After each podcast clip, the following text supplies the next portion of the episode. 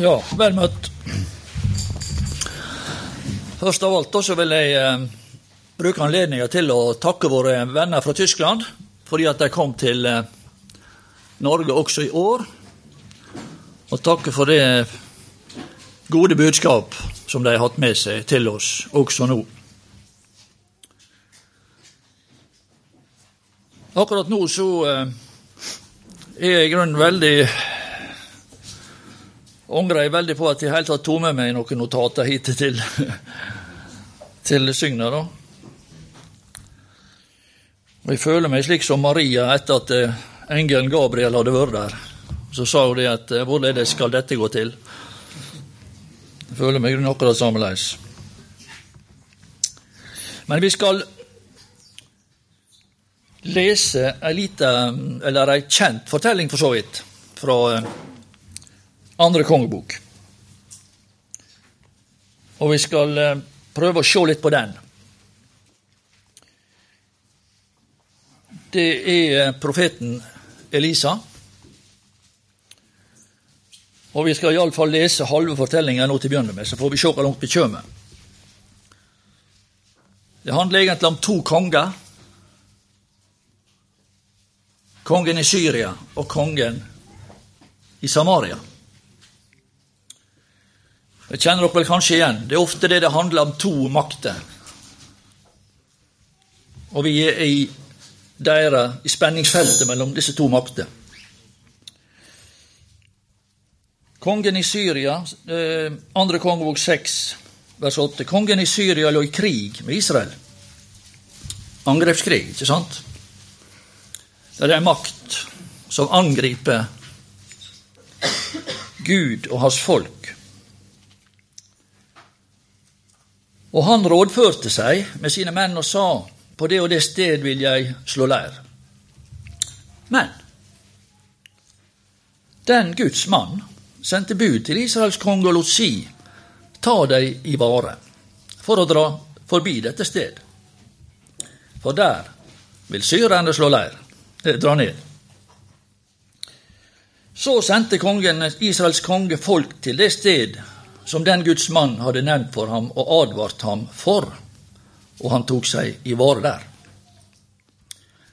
Dette hendte ikke bare én gang, men flere ganger. Kongen i Syria ble meget urolig over dette.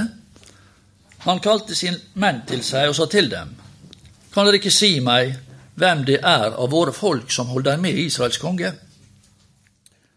Da sa en av hans menn, Det har seg ikke så, herre konge.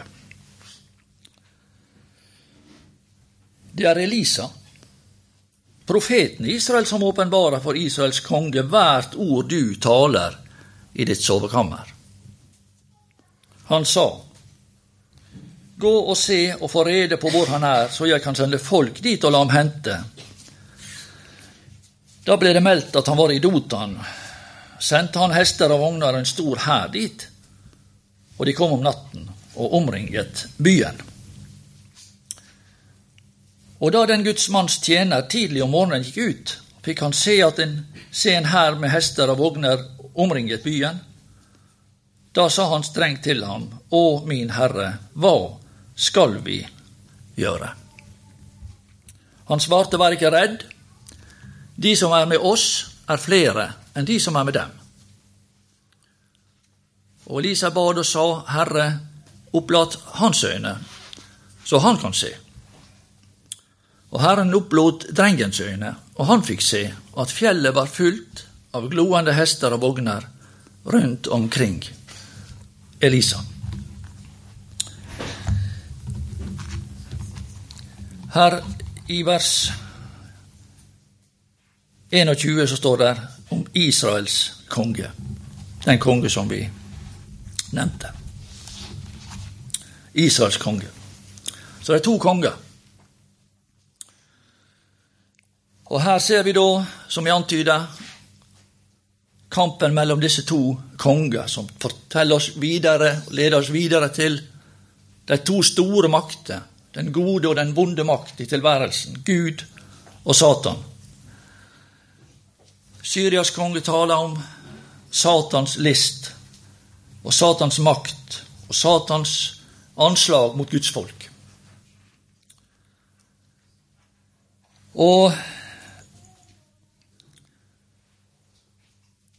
i, i den gamle tid så var det slik da at fordi at Gud hadde erklært at Israel var hans folk, så var den vonde makt hadde inspirert til kamp imot dette folk. Alle disse omliggende nasjoner som var dominert av ondskap, de prøvde å ramme Gud gjennom å ramme hans folk. Og slik er det alltid. At den vondskap som bor i mennesket, den kommer til uttrykk. Kan en ikke ramme Gud direkte, så rammer han Prøver han å ramme de som Gud er knytta sitt navn til. Det er fortsatt slik for Israel. Det er Guds folk. Og det aner den onde, ikke sant? Han aner det. Og det er menigheten. Og han søker å ramme Gud gjennom hans folk. Og det er tusener på tusener som får føle det på kroppen i hele denne verden. Det er nifst å lese blad fra Østen og fra Kina mange plasser hva som skjer mot troende. Og her står om syriske herjeflokker. Det var en stor plage for Israel. Men i Israel så reiste Gud opp profeten Elisa. Og denne mannen han brukte hele sin autoritet til beste for dette folk.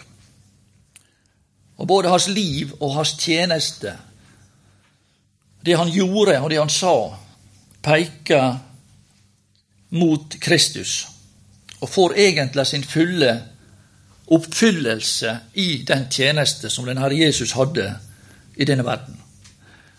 Og Hvis vi ser nøye etter, så vil vi finne en del slike trekk i Det nye testamentet der vi ser igjen hans tjeneste i den Herre Jesu liv. Vi kan si det slik at Elias taler om Kristus etter kjøtet, og Elisa tar over og på en måte taler om Kristus i oppstandelsen. Det er forbildet. Og Vi ser her at gang på gang så avslørte profeten syrerne sine planer, slik at de ikke fikk gjort sitt ødeleggende verk. Og Vi ser det samme trekket igjen hvis du går til, til, til Paulus sitt liv og de andre apostlene. Så ser vi det at han sier det i Paulus en plass at i, i 1. Korinterbrev. Han ser herjeflokkene går gjennom korintermenigheten og ødelegger denne menigheten. Så sier han det at det ikke er vi uvitende om hans tanker. Hva har han vært da? Han har vært inne på soverommet. Ja, vært inne på soverommet til syrakongen og lytta til hva planer han har for å avsløre hans planer mot oss, slik at de ikke skal ramme oss. For ikke er vi uvitende om hans tanker. Og det er nettopp Elias' ånd han er når han avslører disse listige tanker. Og kongen i Syria ble meget urolig over dette, står der. Han kalte sine menn til seg og sa til dem.: Kan dere ikke si meg hvem av våre folk som holder med Israels konge. Han var i ferd med å miste kontrollen. ikke sant? Den ekle følelsen av at nå mister jeg kontrollen med folket her. Jeg har ikke full kontroll lenger. Hva er det som er skjedd? Ja, det er stått opp en person. Den Herre Jesus er stått opp i denne verden. Det er det vi ser i Elias. Det er det vi ser i Elisa.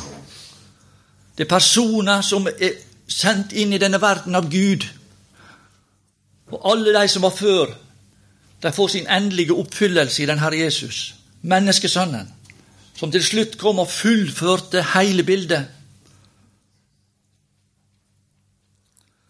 Og Satan han skal til slutt miste sitt fulle grep. Det er denne bevegelse vi er med, venner. Og vi er bedt om å bli med i denne her. Bedt om å bli med i denne bevegelse. For, å, for, for, for det første Og ikke la oss overliste. Ikke bli kom under kontroll av syrakongen, men bli en som på en måte kommer ut av hans grep. Og kommer over til den Herre Jesus. Og blir med i hans folk. Og blir med i kampen for det gode mot det vonde. Og vi ser hvor viktig det er å ha kjennskap til Guds ord. Paulus sier at det ikke er vi uvitende om hans tanker, men hva finner vi disse tanker? Vi finner i Skriften. Og skal vi være i stand til å forsvare oss, så må vi kjenne disse tanker. Og spørsmålet har syrakongen kontroll på oss, eller har vi unnsluppet hans grep? Lenger ute i fortellinga ser vi at det var noen som unnslapp hans grep. Han mista kontrollen.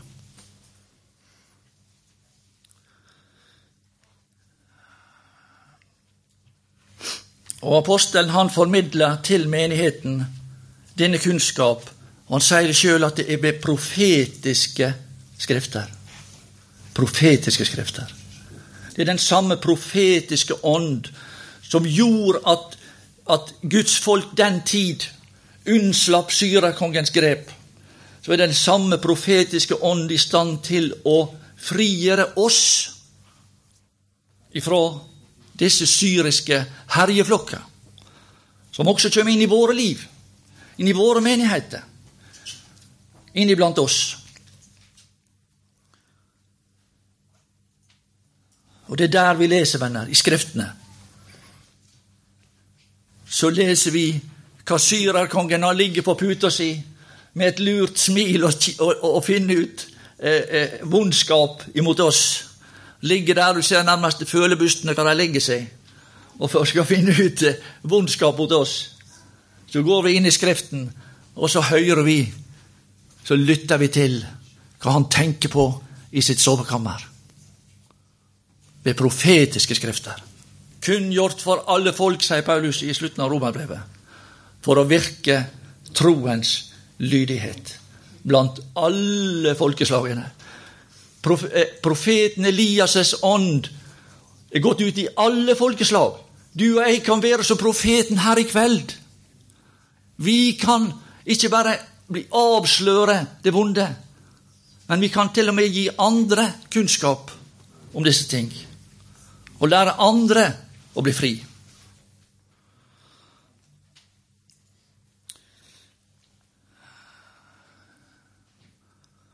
Det står i 1. Johannes brev 5, 8.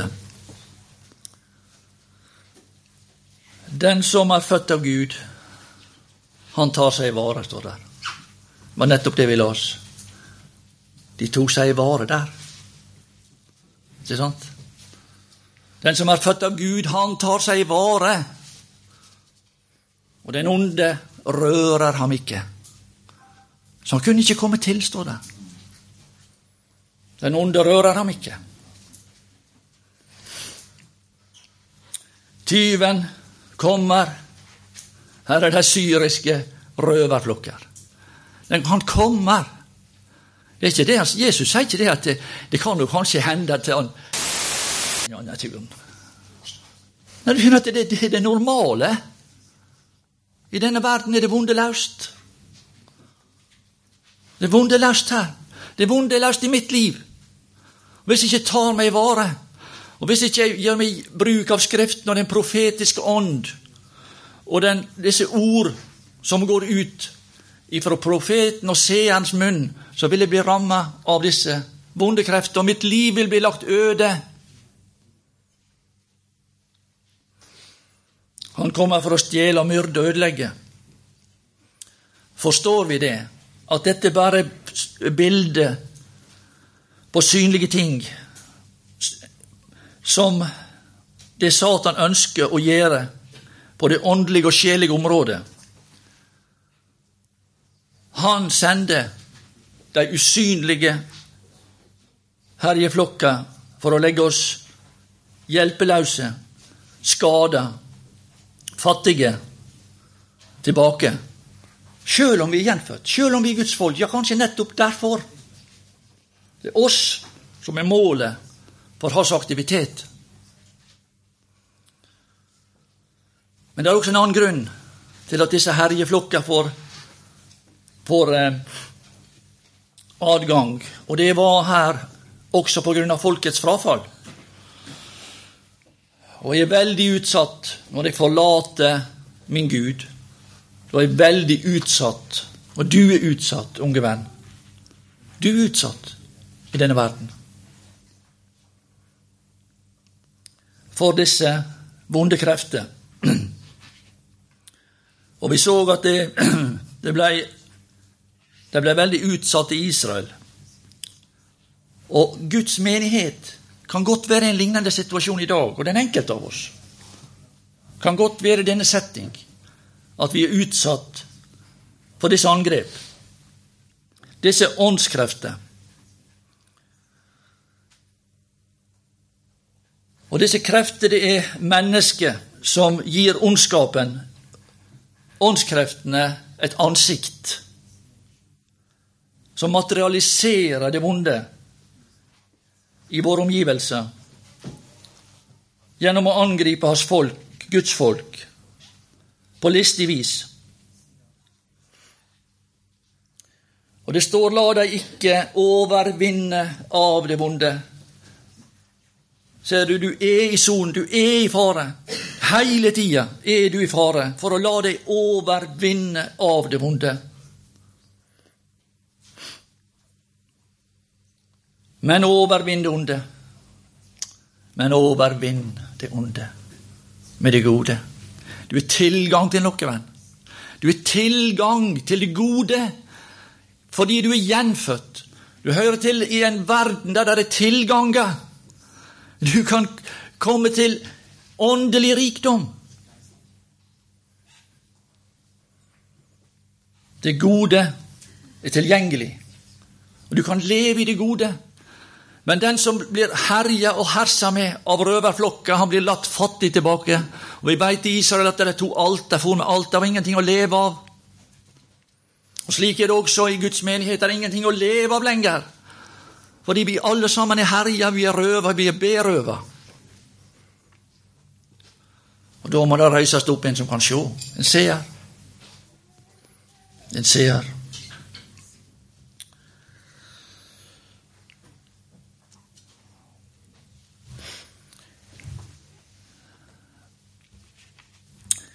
Det er en god måte.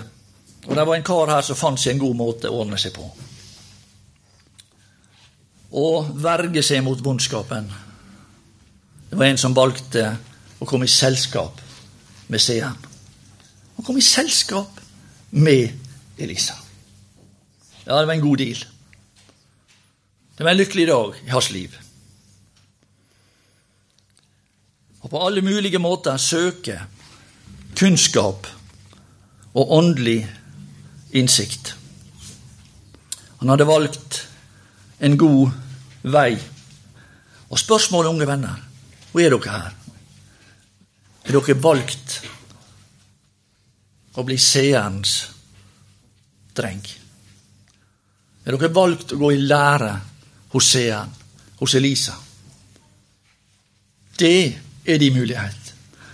Den Herre Jesus drar forbi deg i dag i din ungdom. Du kan velge å ha selskap, og du kan bli seende. Du kan bli en betydningsfull person i din samtid. Du er kanskje blyg, du er kanskje du føler deg dum. Du kan ikke si det. Det er ingen jenter som vil se på meg. Du kan føle at du er hjelpeløs. Men du har en mulighet, for seeren går forbi deg. Den Herre Jesus går forbi deg. Og du kan henge deg på Han. Du kan bli til noe stort i denne verden. En som gir andre syn. En som kan hjelpe andre til å ikke å bli berøvet. Du har en fantastisk mulighet. Og Jeg opplevde noe stort da jeg var 16 år. Jeg opplevde en mann som gikk forbi meg, som var en seer. Han sa du kan også se. Du kan lære å se nøyaktig det som jeg ser. Du kan se. Du kan se det usynlige. Fordi han så det usynlige. Moses så det usynlige. Og det er det som er din mulighet.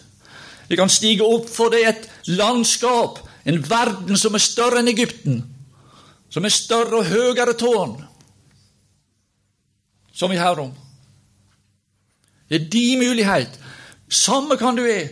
Alle dine naturlige fortrinn teller ingenting. Du begynner på scratch her. Alt det betyr ingenting. Det som naturen har gitt deg. Om du er vakker eller noe annet. Den Herre Jesus spør ikke etter det. Og han spør heller ikke om du er begava. Han spør etter én ting. Han spør etter én eneste ting. Trofaste mennesker. Og det er det som står om Moses. Han var tro i hele hans hus. Dine naturlige fortrinn betyr ingenting i denne sammenheng.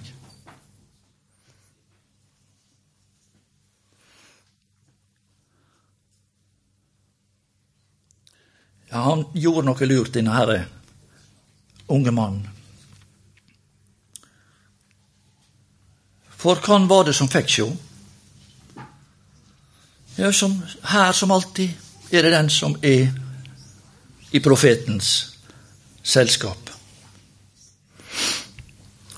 Du skjønner, det å være en troende, det kan være en veldig statisk ting. Det kan være en veldig statisk ting. Men bare den Herrens tjener som hele tida har sin oppmerksomhet retta mot sin Herre, som ikke lar skritta bli for mange mellom seg og sin Herre, som blir nervøs når han ikke kjenner sin Herres røst. Kjenner du det igjen i det som blir beskrevet i vers 15 og 16, 15 til 17? Og da den gudsmanns tjener tidlig om morgenen gikk ut, fikk han se en hær med hester og vogner omringet byen, videre. Kjenner du det igjen der? Har du stått der? Er ikke livet ofte slik? Du er omringa av uoverstigelige vanskeligheter. Vi kjenner oss så godt igjen. Vi har alle vært der. Og hvis vi ikke da ser, hvis vi ikke åndelig syn i en slik situasjon, ja, så har vi problem. Da har vi vanskeligheter. så er vi helt som naturlige mennesker. Vi ser bare vanskelighetene.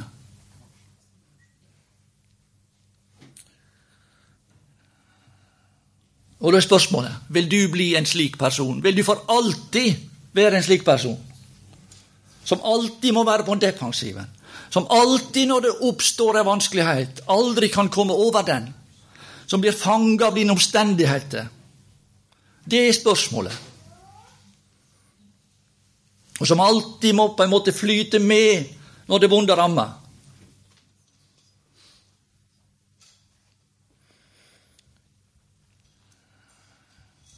Så hører vi denne unge mann. Å, min Herre. Hva er det vi hører her? Vi hører ei oppriktig bønn. Det er det vi hører. Han henvender seg til en, ikke sant? Han er ikke aleine. Hvorfor det? Hvorfor er ikke han aleine? Fordi han har valgt selskap med én. Så er han ikke aleine på denne dagen. Når vanskelighetene tårner seg opp for ham.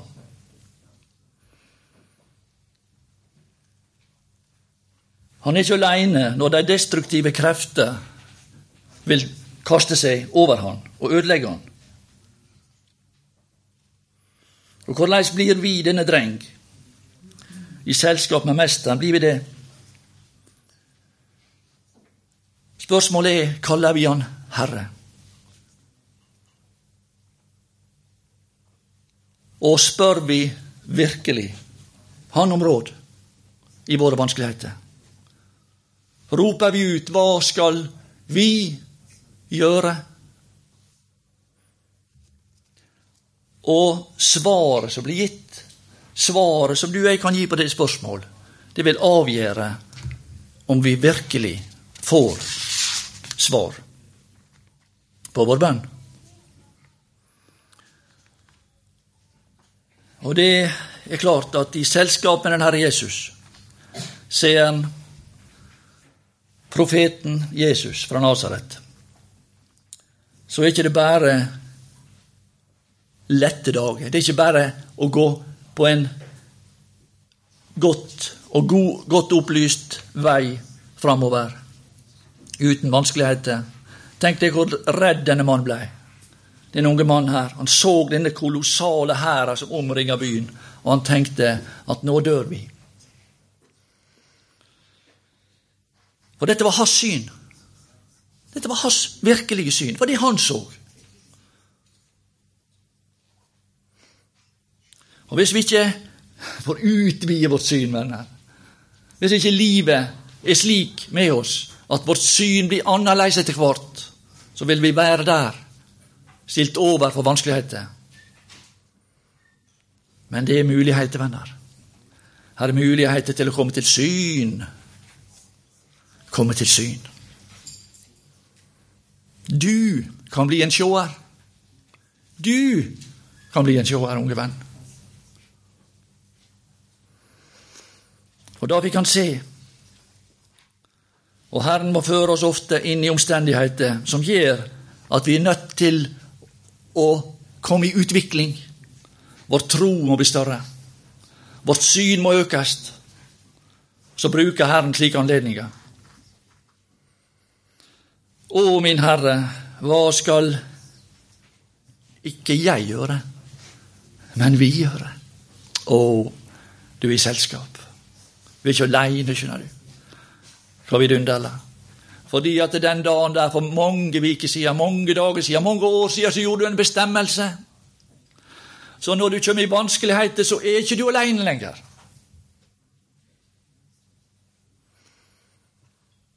Spørsmålet er om du er kommet i det stadiet i ditt liv, i ditt disippelskap. Er du kommet til vi-stadiet? Er du kommet så langt at du kan si når det er i vanskeligheter 'Jeg er ikke aleine'? Men du kan si det vi. Hva skal vi gjøre? Du er ikke aleine lenger. Du kan gå gjennom livet aleine. Helt aleine, ensom. Og du skal komme til å ende livet aldeles alene uten den Herre Jesus. For der på dette høye fjell som vi leste om i åpenbaringsboka, der er det én for én og dersom ikke noen fantes oppskrevet Det var noe én, står der, som ikke fantes oppskrevet i livsens bok. Da ble han bare, han ble bare som verdiløs, kasta ut på stupet. Det er ingen verdi. Du er aleine. Du begynte aleine, og så blir du aleine. Men her var han ikke aleine.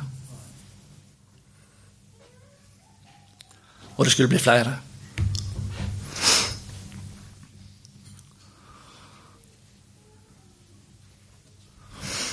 Der er ressurser til din disposisjon. Du er treng. Du er dreng hos Han, og du er opplæring hos seeren. Han svarte. Vær ikke redd. De som er med oss Det var godt å være to. Han følte seg straks litt liten grann bedre form. Han var to, men så plutselig så ser han det etter. ja, fjellet var fullt av vogner og hester. Ser du? For en forskjell. Når du begynner å ane det, det er stor forskjell å være alene. og så være to. Men så når du plutselig oppdager det at det, det er enorme ressurser du er satt inn i Og Paulus han bryter ut og sier det at alt hører det til. Alle de himmelske ressurser, alle de himmelske tilganger, den, hele den himmelske verden er din.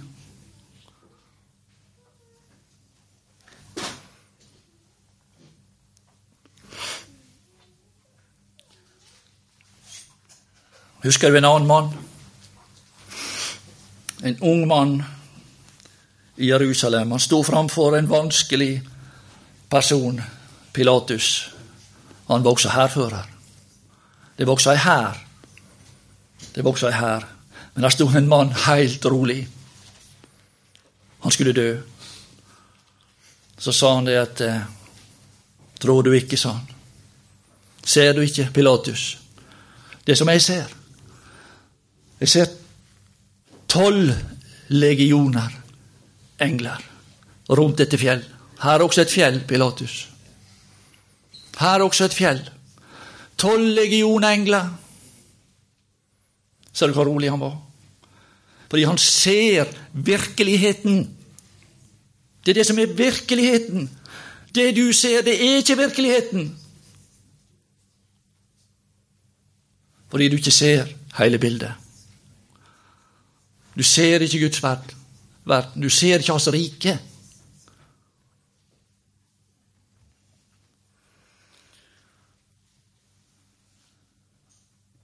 Og Elisa bad og sa, opplat hans øyne. Så han kan se.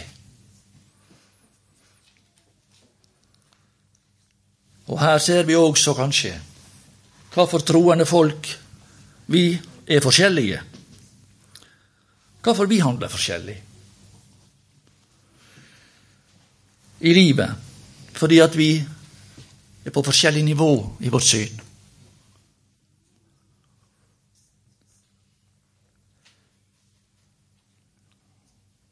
Jeg nevnte det at det begynte ikke den dagen.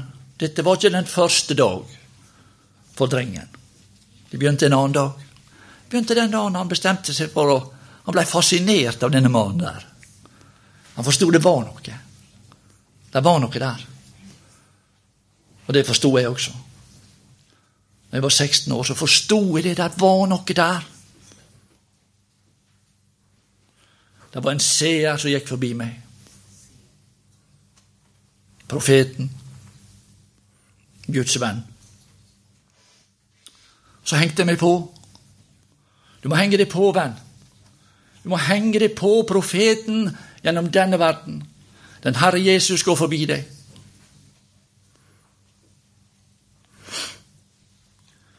Og han gjorde en beslutning. Og her blir han ved hjelp av sin egen besluttsomhet og ved profetens bønn innvidd i de usynlige ting. Han fikk et godt svar på sitt rop. Og han blir som seeren. Som profeten. Han får opplatt sine øyne, sine åndelige øyne.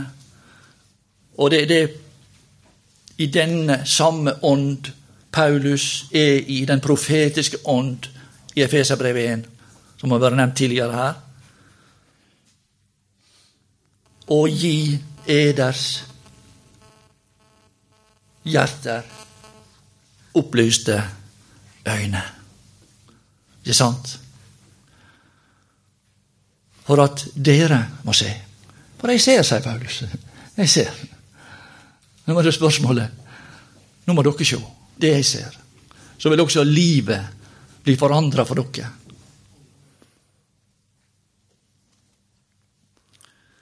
Det er Elias' ånd og Elias' bønn som går igjen og igjen.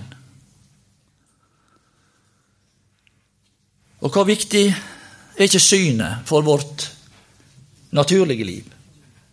Slik er også livet, slik er også synet viktig for vårt åndelige liv. Hva om vi allikevel ikke ser? Om vi aldri har ønskt å være dreng hos profeten og følge ham? Da er Efeserbrevet uten hensikt for oss. Det betyr ingenting for oss. Innholdet det går forbi oss. Vi gir ikke oss nytte av det. Det blir uten betydning for oss. Disse ting som kan la oss se den virkelige verden. Og vi kan stå oss mot disse vonde krefter som vil infiltrere våre liv. Ja, det er jo litt kjedelig, dette med bedehus og liksom å samles om Uff, uff, uff, det er så kjedelig. Ja. Men ta det nå en prat med denne drengen. Sett deg ned og se på denne mannen her. En unge mann her. Hva fikk ikke han oppleve? Og Elisa, som ble dreng hos den andre profeten, som het Elias, hva fikk ikke han oppleve? Men det viktig, var en ting som var viktig. Han sa det. 'Jeg forlater deg ikke', sa han. Jeg forlater deg ikke. Det er å holde tritt med Han gjennom livet. Den som følger meg, sa Jesus. Den som følger meg. Ikke den som er frelst, men den som følger meg. Frelsen det legger et grunnlag for at du skal kunne følge Han. Du kan ikke følge Han uten at du er frelst. Men så begynner det.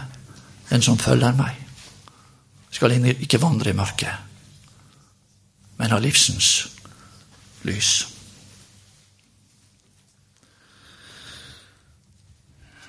De fikk oppleve store ting. Og jeg tror det at du vil aldri angre. Du vil aldri komme til å angre på at du velger Kristus og følger Han i denne verden. Det må være en fascinasjon, en besluttsomhet, som fører oss inn i den profetiske sfære. Da vil profeten be for oss. Det er en som vil høre vårt rop, og som er rede til å svare på vår bønn.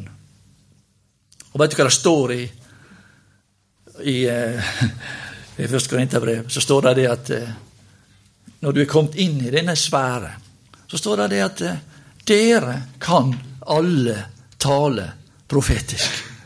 Kan, alle kan være profeter. Alle kan tale i Elias' ånd og oppbygge den ene og den andre. Det fortsetter den samme ånd. Går videre i menigheten. Alle, dere kan alle tale profetisk. Dere alle, alle troende, kan ha litt av denne karakter i seg og oppbygge den ene den andre. Så alle kan lære, og alle formanes. Det er som vi tar opp denne tjeneste.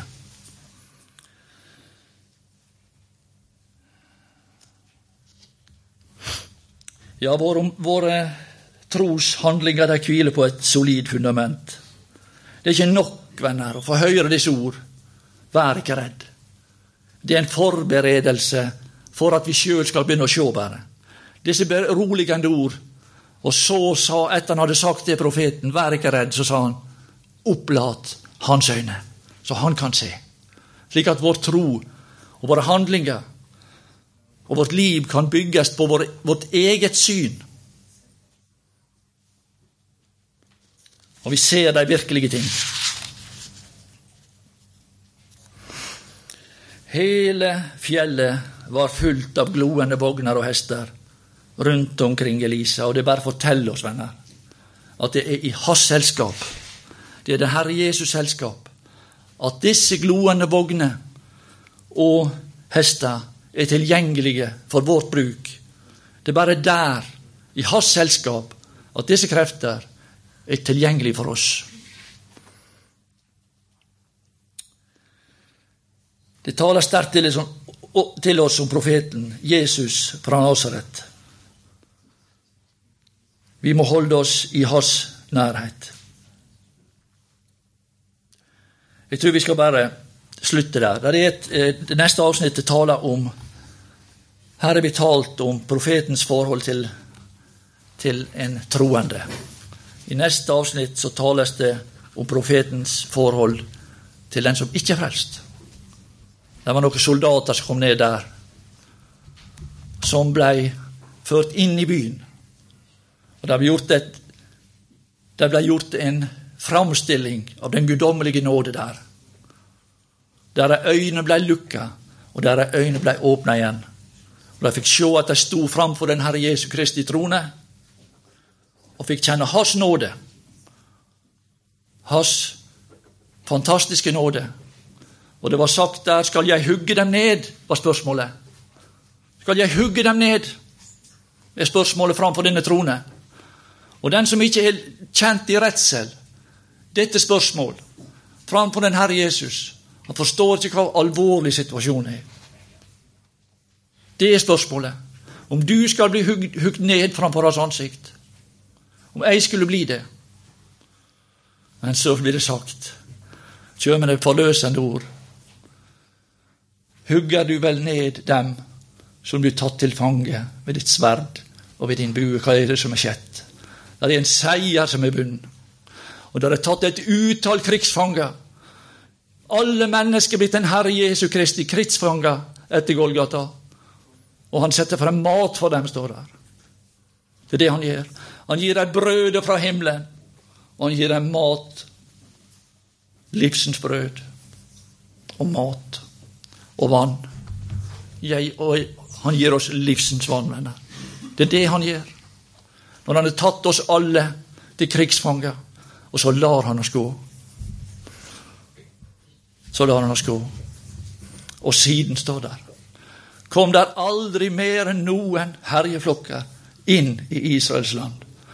Han braut ned fiendskapet, og så beholdt han fienden. I det, står det i Efeserbrevet, han på dette, på korset, drepte fiendskapet, og så beholdt han oss, fiendene. Hver en eneste en. Alle sammen. Alle for å kunne frelse oss og vise oss nåde. Det er godt gjort. Men vi kan ikke snakke om det. Herre Jesus, vi takker deg for ditt ord. Takker deg for alle disse som er samla, spesielt disse unge. Herre Jesus, jeg føler en slik trang til å kunne være deg til hjelp og få på en måte peke på disse fantastiske muligheter som finnes i forbindelse med den tid som ligger framfor. Et langt liv i sammen med deg, Herre. La oss få oppleve og kjenne deg og ditt fellesskap. Komme inn i ditt vennskap, inn i din fortrolige, ditt fortrolige nærvær. Og la oss få kjenne at du dreg omsorg for den enkelte av oss. Og vi ber for fortsettelsen av denne vika.